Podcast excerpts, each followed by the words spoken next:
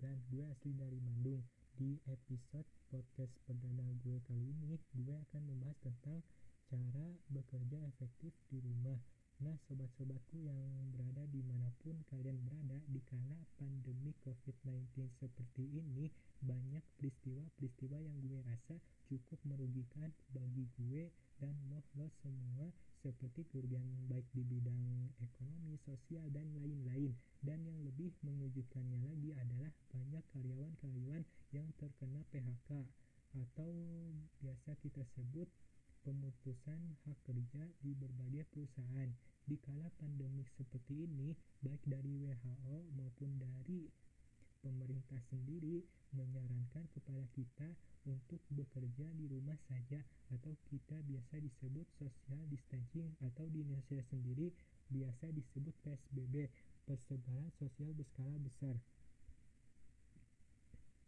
Tetapi di sini gue nggak akan menjelaskan lebih rinci mengenai social distancing, tetapi di sini gue akan menjelaskan bagaimana cara kita bisa menikmati pekerjaan kita di rumah. Nah, di sini gue langsung saja memberikan tips yang pertama.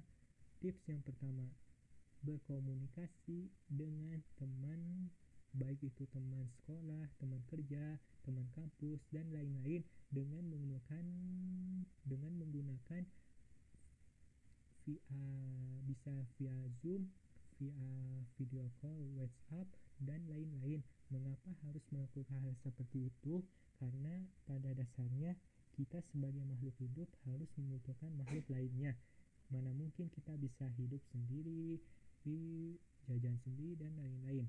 Karena kalau kita masih bisa berkomunikasi dengan teman-teman kita, maka kita dijamin gak bakalan stres dengan hal tersebut.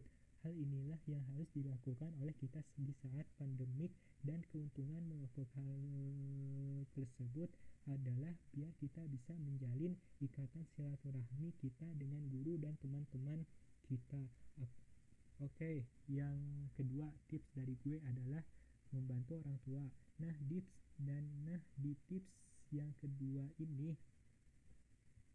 adalah yang paling sulit kita lakukan. Mengapa? Karena kita sering males kalau disuruh orang tua.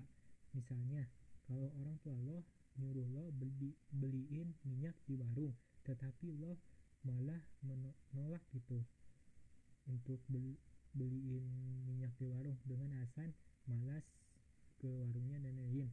Padahal itu hal sepele bagi kita, dan kebiasaan itu sudah mendarah daging di dalam diri kita. Dan bagaimana cara melawan hal ini adalah lo harus inisiatif dari diri lo sendiri. Mengapa harus dari diri kita? Karena niat sega, karena niat itu ada di dalam diri kita sendiri. Jadi kalau bisa saran gue ubah pola hidup lo selama di rumah. Kalau bisa bantu orang tua lo sebisa mungkin. Yang ketiga, cari kegiatan positif selama berada di rumah. Selama pandemi COVID-19 ini berlangsung dan juga pembelakuan social distancing masih berlanjut, maka kita selama masih berada di rumah cari kegiatan-kegiatan yang yang bisa membuat hidup lo lebih bersemangat atau menggairahkan hati dan jiwa. Karena secara psikis jiwa kita ini perlu asupan yang bisa membuat jiwa kita berkembang baik baik secara akal baik dari akal maupun dari jiwa kita sendiri. Karena kita nih harus bisa mengembangkan apa yang ada di dalam diri kita. Misalkan bakat lo memasak ya lo harus mengembangkannya segitu secara langsung. Dan kalau lo mempunyai bakat lain yang lo punya maka selama pandemik ini lo harus mengembangkannya di rumah yaitu dengan cara tadi cari kegiatan positif lo baik itu main game, baca buku, nonton film dan lain-lain. Dan yang keempat tips dari gue kumpul bersama keluarga. Selama masa pandemik ini kita bias bisa meluangkan waktu bersama keluarga baik itu anak, suami, istri, ayah, bunda, kakak, adik, lo dan lain-lain yang suka ninggalin kita karena kesibukan masing-masing. Dan untuk tips ini, lo buat kegiatan bersama keluarga. Sekarang kan kita lagi bulan puasa nih. Nah, untuk itu lo buat kegiatan di rumah bersama Roma, bersama keluarga selama Ramadan seperti buka bersama, main bersama, Al-Quran apalagi bulan Ramadan seperti sekarang yang pahala baca Al-Quran kita bertambah. Dan yang terakhir dari tips ini adalah sholat berjamaah bersama keluarga lo seperti sholat tarawih dan momentum seperti inilah yang kita inginkan bukan?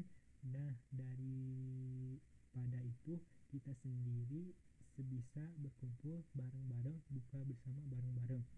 Dan yang terakhir dari tips dari gue yaitu guru-guru dan dosen jangan berikan tugas berlebihan kepada siswa-siswa dan mahasiswanya. Sebenarnya gue juga merasakan hal seperti ini. Guru gue ngasih tugas banyak sekali sampai-sampai teman gue banyak yang protes di grup kelas. Ih kenapa sih banyak tugas? Ih males banyak tugas ih dan lain-lain. Nah oleh karenanya saran gue untuk kalian yang berprofesi sebagai guru, baik itu guru maupun dosen jangan berikan tugas secara berlebihan kepada murid dan mahasiswanya. Karena takutnya bisa mengganggu jiwa psikis mereka yang dibilang jiwa mereka masih stres karena banyak tugas yang harus mereka kerjakan dari rumah. Dan untuk pihak sekolah dan universitas tolong berikan kuota atau pulsa yang banyak bagi siswa dan mahasiswa yang tidak mempunyai pulsa atau kuota. Sama sekali agar mereka bisa menikmati belajar online dari rumah karena bisa jadi di antara mereka ada yang tidak mampu membeli pulsa, tidak ada uang untuk membeli pulsa, dan tidak ada sinyal internet dikala mengerjakan tugas.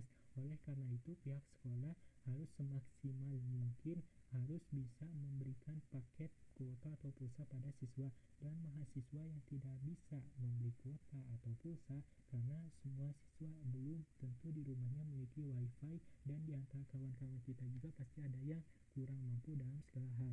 Oke segitu saja pembahasan dari gue. Mohon maaf kalau ada salah-salah kata dan jangan lupa dengerin episode-episode podcast selanjutnya dari gue. Terima kasih. Saya pamit. Wassalamualaikum warahmatullahi wabarakatuh